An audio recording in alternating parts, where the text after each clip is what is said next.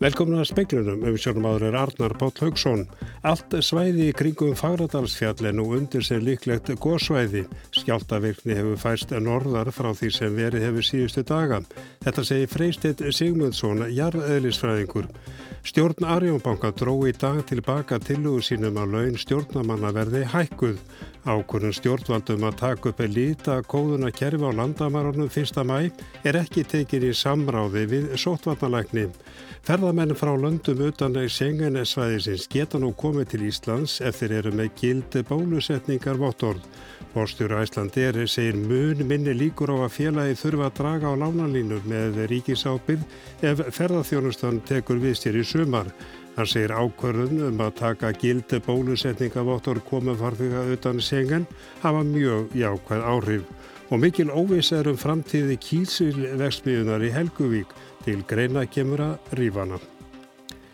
Vísindamenn rýmdu í nýja uh, gerfitunglamyndir og GPS-mælingar á vísindarás fundi almannavarna sem laug nú sítiðis. Gögnin sína að kvikugangurinn milli náttaga og keilis á Reykjaneskaga sé að vika en skjáltavirkni að færast norður. Freistinn Sigmundsson, jarðeðlisfræðingur, segir að þetta bendi til þess að eldgós geti brotist út á öllu svæðinum í kringun Fagradalsfjall en ekki aðeins sunna við það eins og talið hefur verið til þessa.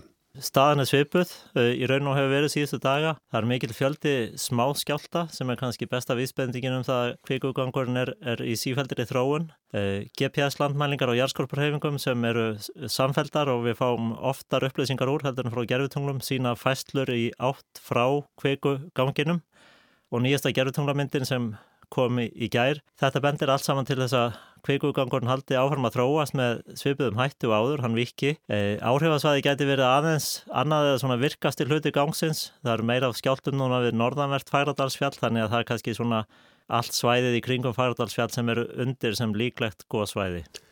Nána verður tala við freystinn síðar í speiklinum. Stjórn Arjónbanka dró tilbaka tilúðu sínum að laun erlendra stjórnarmanna erðu hækkuð sjöðu sem eiga stóran hlut í bankanum mótmæltu hækkunni og lögðu fram tilúðu um óbreytt stjórnarlaun. Sýteðist tilkynnti stjórn bankans að þrjár breytingar hefði verið gerðar á tilúðum aðalfundar. Í fyrsta lagi að draga tilbaka tilugu stjórnar um breytingar á starfsreglum tilnefningarnemndar bankans.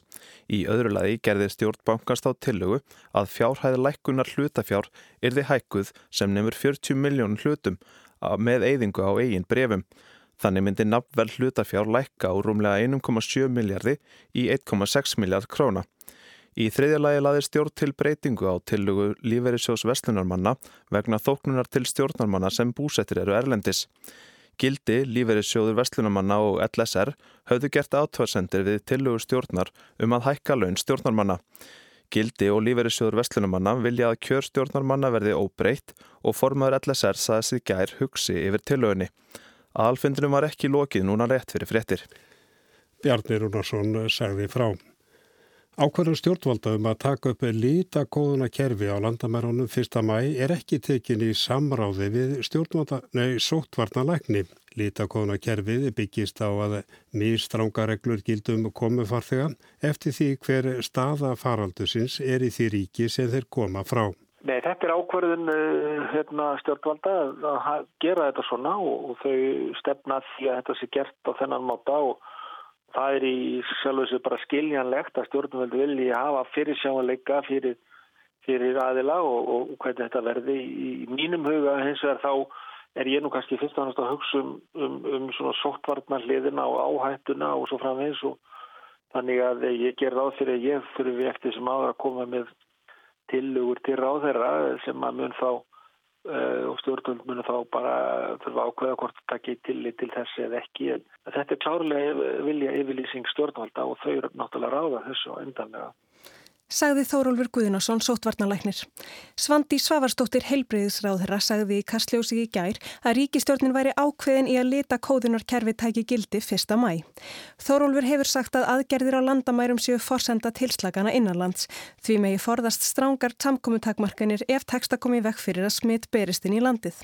Hann segir að í leta kóðunarkerfinu felist ákveðinar tilslaganir en að enn sé ómögulegt að segja til um hvort breytingin 1. mæ auki líkunar á að smitt berist yfir landamærin. Báturinn. Við veitum ekki hvernig staðan verður þá, hvorki á stöðu bólusetninga, stöðu á nýjum afbröfum, stöðu á faraldurum almennsi elendis, þannig að það er bara mjög margir ofins sem þetta er.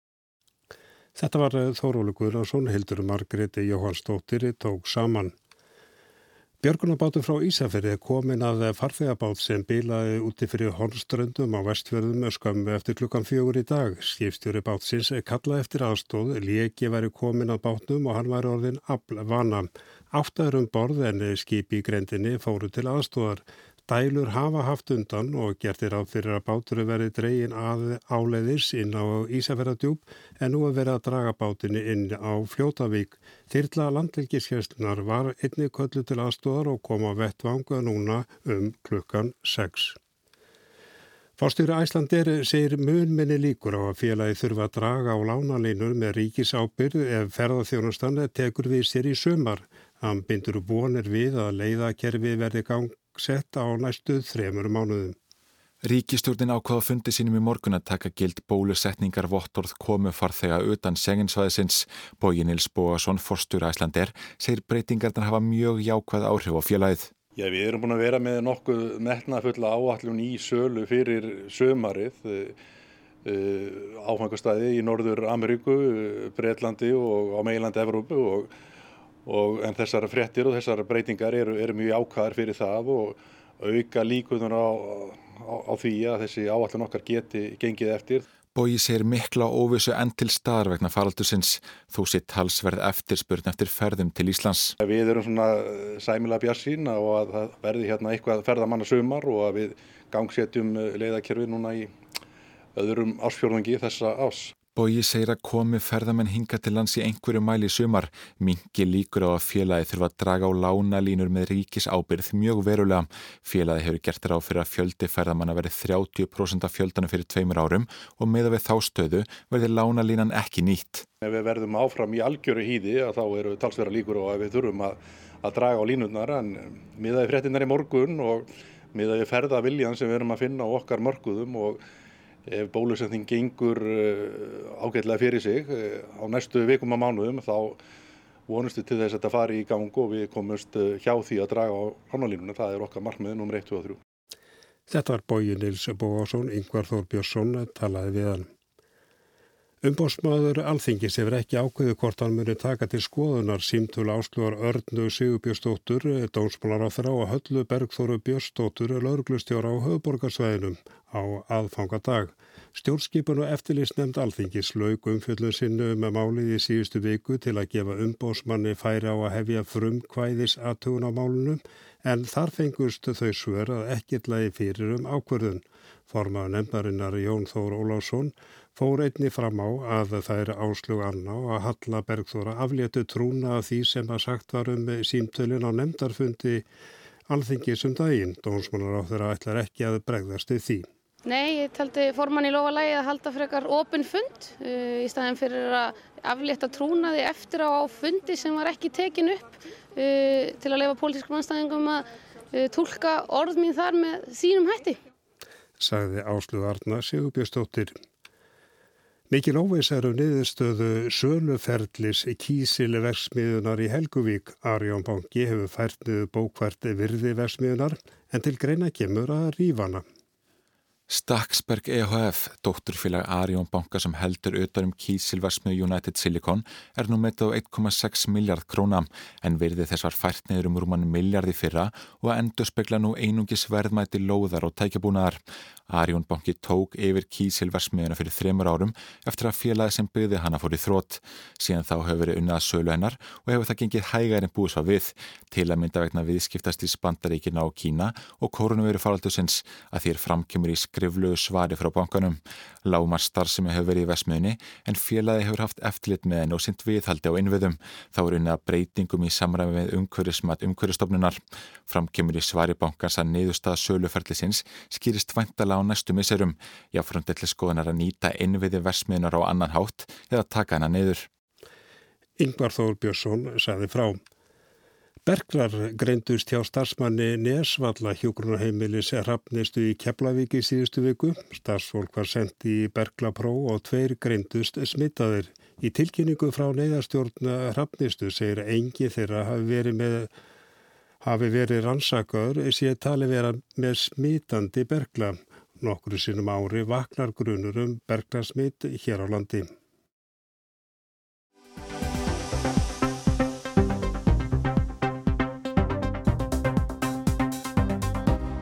Freystið Sigmundsson, Jarð Ellisfræðingur, velkomin í speilin. Takk. Uh, fundi vísindar ás Almanna Varna, lögnuna síðdeis. Hver var megin nýðustafan af þeim fundi? Já, það var reyndi í margveitslega gögn. Uh, staðan er svipuð. Uh, í raun og hefur verið síðustu daga. Það er mikil fjöldi smá skjálta sem er kannski besta vísbendingin um það að kvikugangurinn er, er í sífældir í þróun. Eh, GPS-landmælingar og jarðskorpurhefingum sem eru samfeldar og við fáum oftar upplýsingar úr heldur en frá gerfutunglum sína fæstlur í átt frá kveikuganginum og nýjasta gerfutunglamyndin sem kom í, í gær. Þetta bendir allt saman til þess að kveikugangurinn haldi áfram að þróast með svipuðum hættu áður, hann viki. Eh, áhrifasvæði geti verið aðeins annað eða svona virkast til hluti gangsins. Það eru meira af skjáltum núna við norðanvert færadalsfjall þannig að það er kannski svona allt svæðið í kringum Fagradalsfjall sem eru undir sem líklegt góða svæði. Eh, Kvikugangurinn er stöðugur en eins og fólk hefur fundið í dag það hafa ekki verið eins miklu skjáltar í dag eins og undanfann daga. Já, það er nefnilega sveiflur í, í, í hvað við finnum mikið af skjáltum og, og megnið af orku útlöstunni eða orkan sem við finnum í jarðskjáltunum kemur í þessum stöku stóru jarðskjáltum Mest af þeim eru líklega þessi svokvöldluðu gikk skjáltar sem verða vegna spennubreiting og geta orðið á stóru svæði umhverfiðsgangin og segja okkur kannski ekki beint hvað er að gerast í kvikuganginu sjálfum en það er svona tilfinningin hjá okkur að halda kannski eins og í dag núna þar sem við hefum ekki fundið mikið að skjáltum að, að, að það sé þá eitthvað róleira yfir þessu en, en það er ekki á vísin að róa með það. Það er áfram þessi miklu fjöldi smáskjálta sem skiptir máli og þessar fæstlur á uh, GPS landmanningastöðum sem sína að kvikungagun heldur áfram að þróast. Þýðir þetta að kvikan er komið nær yfirborði jarðar heldur en undan farna daga? Færustun svífjall nær? Það voru í rauninni ekki vísbendingar um það í þessum gögnum sem við höfum heldur að efra borðið á þessum kvikugangi sé á, á svipuðu dýpum um kilometra undir yfirborði jarðskorpunar En uh, það er svona, það, þetta er þetta nána samspil, það er á, á hverjum degi er þá að streyma umtalsvægt magna kviku inn, uh, á sama tíma er þessi kvikugangur að, að storkna og hluti á hann að kolna og, og, og getur ekki hreft sig breytist í, í bara fast berg, í, í berggang og erum svona rína í þetta samspil en það er engar vísbendingar ennþá um að kvikan hafa fæst sig næri yfirborði. En Það hefur löngum verið talað um það að, að eh, kvikan hafi verið að færast í suður eða þar sé hún heitust. Já. Er hún að færast fram og tilbaka núna? Það er veriðst verið að svona mesta áraunin á, á þennan kvikugang núna við norðanvert færdalsfjall. Hún hefur það kannski ekki átt greiðar leið lengra til suðurs.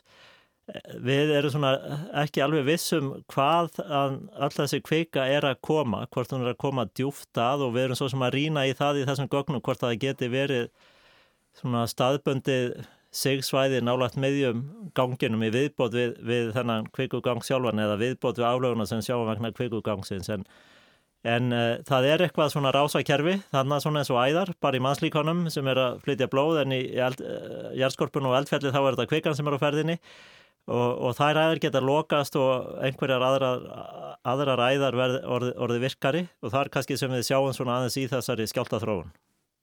Er gós líklegt? Er það niðurstaða fundarins líka? Já, ég held að sviðismyndirnar hafi raun ekki breyst. Það eru bara óbreyttar.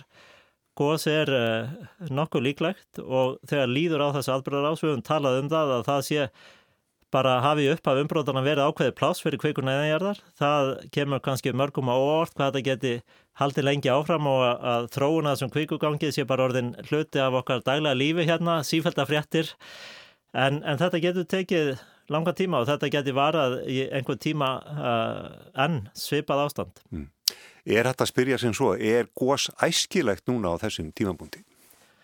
Já, það er alltaf hægt að, að velta því fyrir sér um mögulegan góðstað. Góðstaðar við norðanvert Fagradalsfjall var mjög ákjæmsluður. Það er í óbyðum og ekki vísta að neynir innviðir var í hættu þar og uh, ef að kvikan kemst upp á yfirbor þá minka líkur á þessum gikk skjáltum, gikk skjáltarnir, stóru skjáltarnir sem er að valda okkur kannski mestum usla uh, þeim mun vantalega fækka því að þegar kvikan nær upp á yfirbor þá hættir kvikugangurinn vantalega að vaksa neðan hérðar kvikan veluð sér auðveldustu leiðina alltaf uh, til að komast áfram. Hún er að leita upp að því hún er eðli sléttar en bergið í kring.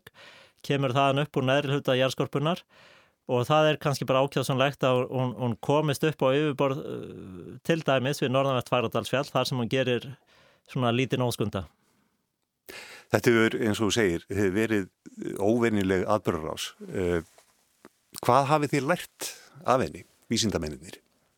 Já, við erum sífælt að læra á hverjum degi finnst mér. Þarna er það þetta nána samspil millir kvikurhefinga, uh, spennu útlósunar vegna stóra járskjálta. Yfirleitt er það þannig á eldvirkum svæðum að það er ekkert mikið af svona stóran skjáltum. Það er meiri skjáltaverkni þarna en annar staðar. Og, og síðan er það hugsanlegt skrið á svona megin ás flekaskilna. Þetta er floknara samspil en við höfum séð áður. Og, og við erum svona rín í þetta og, og við erum bara rétt að byrja lardánskurvuna held ég. Við erum eftir að rína mikið þessu gögn. Þetta verður ómændalegt gagnasett til að reyna að skilja hvernig flekaskil vinna á hvernig jarðskorpan hæða sér og hvernig verður til, við erum að búa til Ísland við erum að búa til Ísland í dag þarna það verður að mynda jarðskorpu Íslands Freystedt Simonsson, takk fyrir komuna í speilin Takk.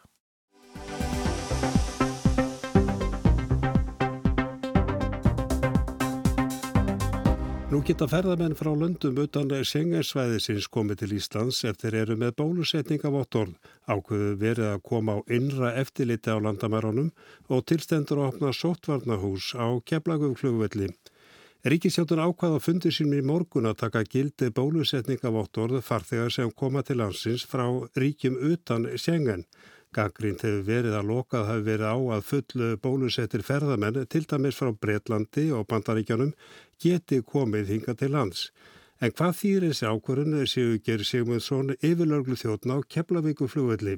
Þetta þýðir það í raun og veru að afdráttar lausa eða já, þrönga bann sem hefur verið við tilifnæslausum ferðum þriðaríkisborgar til landsins og þriðaríkisborgar eru núna til dæmis breytar á bandreikimenn.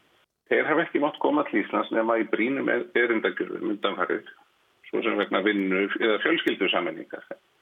En með þessari breytingu þá er, er þetta bann við tilhefnuslöðsum ferðarlegum afnumið gagvast heim sem eru með gilt bólusetningavottor og jafnvel mótefnavottor um fyrir síkingu. En sótarnarleiknur á svo eftir að skýra kröfunar til þessara vottorða en þetta er sem sagt opnun á lönd utan sengen. Nú stendur til að sótvarnahúsi verði komið upp á Keflavíkur flugvelli eða í nákrenni hans. Sýrviki segir að lengi hafi verið bent á það að það vanti hús eða aðstöðu til að hýsa þá sem að stöðvaðir hafi verið á landamærunum og vísa á landi. Og núna síðast árið höfum við ítrekkamenti því að að það er svo lítið frambúð að að fólk sem við erum að snúa frá landinu er vist að hjá okkur hefur einhverja daga við aðstæður sem er ekki nógu góðar.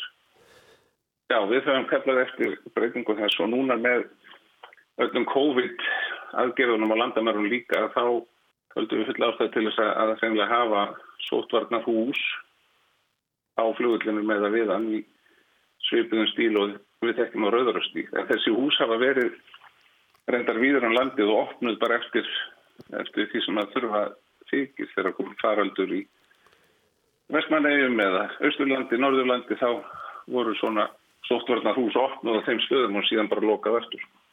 Og það er líka verið að tala um það að sá sem að já, mælist eh, jákvæður við komuna að þið hafið vald til þess við vissar aðstæður þá að vísa honum í sóttvarnarhúsið eða þetta sóttvarnarhús? Já, valdið er samfænt sóttvarnarlögunum hjá sóttvarnarleikni en við myndum þá undirbyggja slíkt mál til sóttvarnarleikni svo leggja til við hann að aðilar sem að verða þetta ekki geta komið sér í öru húsnaði eða vera húsnaðislausi við eitthvað slíkt fari í sóttvarnarhús fram hefur setni skimun og sóttvarnarleiknir hefur verið að nota þetta undanfærið til dæmis fólk sem greinist með meira smitandi afbreyði, bresku verðunum til dæmis en innanlands, þá það hefur verið fætt í sóstvarnarhús og, og dvalið þar meðan það er að ná sér. Ekki yfir ákveði hvar sóstvarnarhúsi verður nákvæmlega staðsett. Brátt er eh, liðin mánuður frá því að landamarareglur vegna COVID-19 voru hertar til munna. Þeir sem koma til landsins verða að vera með vottorð upp á vasanum að þeir séu ekki smitaðir, svo kallað PCR-vottorð. Sín eru tekin að þeim við komun og svo tekur við 5 til 6 daga sótt kví og í lokin er þeir skimaðir aftur. Þeir sem kom ekki með tilskilin vottorð geta átt yfir höfðu sér 100.000 krónar segt en hafa margi verið sektar og einhverjum vísa á landi. Já, við höfum uh, ég er nokkið með tölur fyrir fram að mig, ég held að sé að þá um tugur sem við höfum vísað frá landinu en þá hefur eitthvað annað verið í þeim málum, svona einhverju fleiri, fleiri hluti sem að fjallu þar á.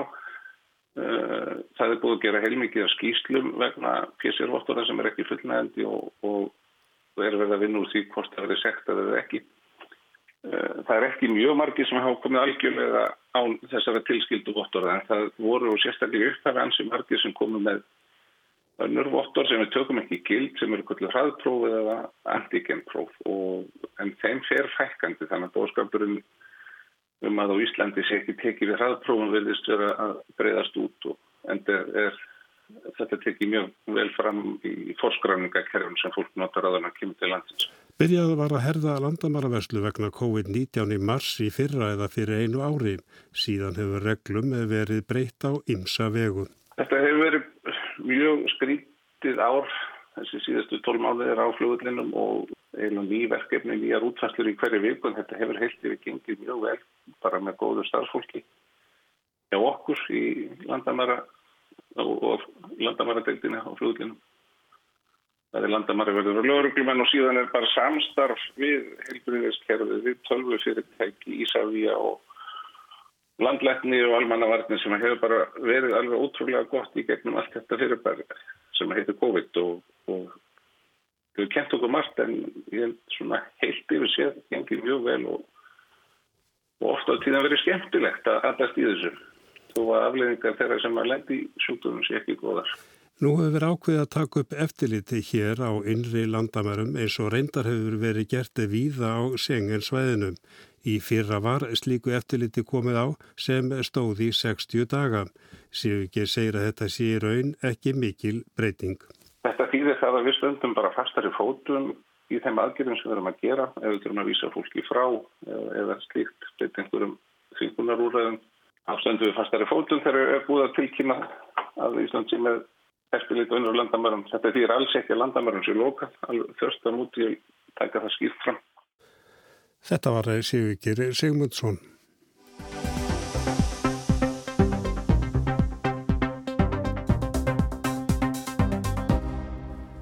Boris Johnson fórsettist á að breyta kynnt í dag heildarstefni í öryggis, varnar og utaríkismálum sem hafði dreyjist að kynna. Johnson hefur talað um nattrændi Breitland sem utan Evrópusambansins horfi meir til annara heimsluta.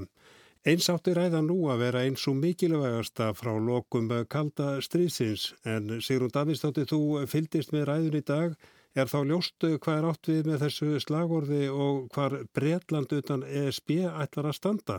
Það var erfitt að greina að þetta væri meiri háttar stefnuræða, allavega ekki neina róttakar yfirlýsingar eins og uh, lengi hafi verið gefið í skýna yrði. Yfirlitið sem fylgir þessu er rúmar 100 blaðsýður en er árið síður á ferðinu en ætlunin var. Öryggis, varnar og utaríkismál eru þarna fléttu saman líka til að styðja hagsalt heimafyrir. Nattrænt Breitland á tímum samkeppni var fyrirsögnin og heyrum hvernig fórsætsraðra kynnti tilgang yfirleitsins í þingjun í dag. The overriding purpose of this review, the most comprehensive since the Cold War, is to make the United Kingdom stronger, safer and more prosperous. Tilgangurinn með þessu yfirliti því yfirgrips mesta frá lokum kaldastriðsins er að gera Breitland sterkara, örgara og ítundur hagsælt. Samantekið má segja að nattrænt Breitland ætlar að beita sér að hagsælt byggðri á opnum samskiptum, breytar að vera afl til góðs í heiminum, leita markliða lausna til að takast á við vanda eins og umhverfsmál og, og svo þess mikil áhersla á tækni uppbyggingu allt til þess að ítundur hagsald. Johnson neytti líka á að Breitland var ekki bundið við gamlar skorður, það horfið fram á við og það var þá vættalega tilvísun í Brexit sem var annars ekki drætt. En eh, sambandi við bandaríkin hefur lengi verið horsteinin í breskri utaríkisstefnu, Joe Biden bandaríkjafórsiti og ymsi ráðgjafar hans hafa ekkit lengt því að þeir eru ósáttur við útgöngu brettur ESB. Já, hvað hafði Johnson að segja um eh, sambandi við bandaríkin? Hluta því að vera ekki fastur í gömlum skorðum er vantarlega að horfa víðar en til gamalla bandamanna en þeir eru þó ekki glemdir. In all our endeavours, the United States will be our greatest ally and a uniquely close partner in defence, intelligence and security. Forsætsræðra nýtti á að í öllu yrðu bandaríkin aðal bandamaður breyta og náinn félagi umfram aðra í varnar og örgismálum Hann nefndi svo sambandi við Evrópu eiginlega í framhaldi af þessu í samengi við varnamál, brettar stæðu við skuldbindingar þar og einni við NATO. Í sjálfri skýslunni er svo neitt á að útgangan gerir brettum mögulegt að gera hlutina með öðrum hætti í þáu eigin hagsaldar og tilgangurinn með Brexit er að horfa til annara heimsluta. Og það er þá vantur að sé hvað með sambandi við Kína? Það var nokkuð spenningur að heyra hvernig mitt eh, fórsatsráðara myndi ræða um Kína. Hann nefndi víkurana í Kína og að meðferðin á þeim vekti áhyggjur. There is no question that China will pose a great challenge for an open society such as ours.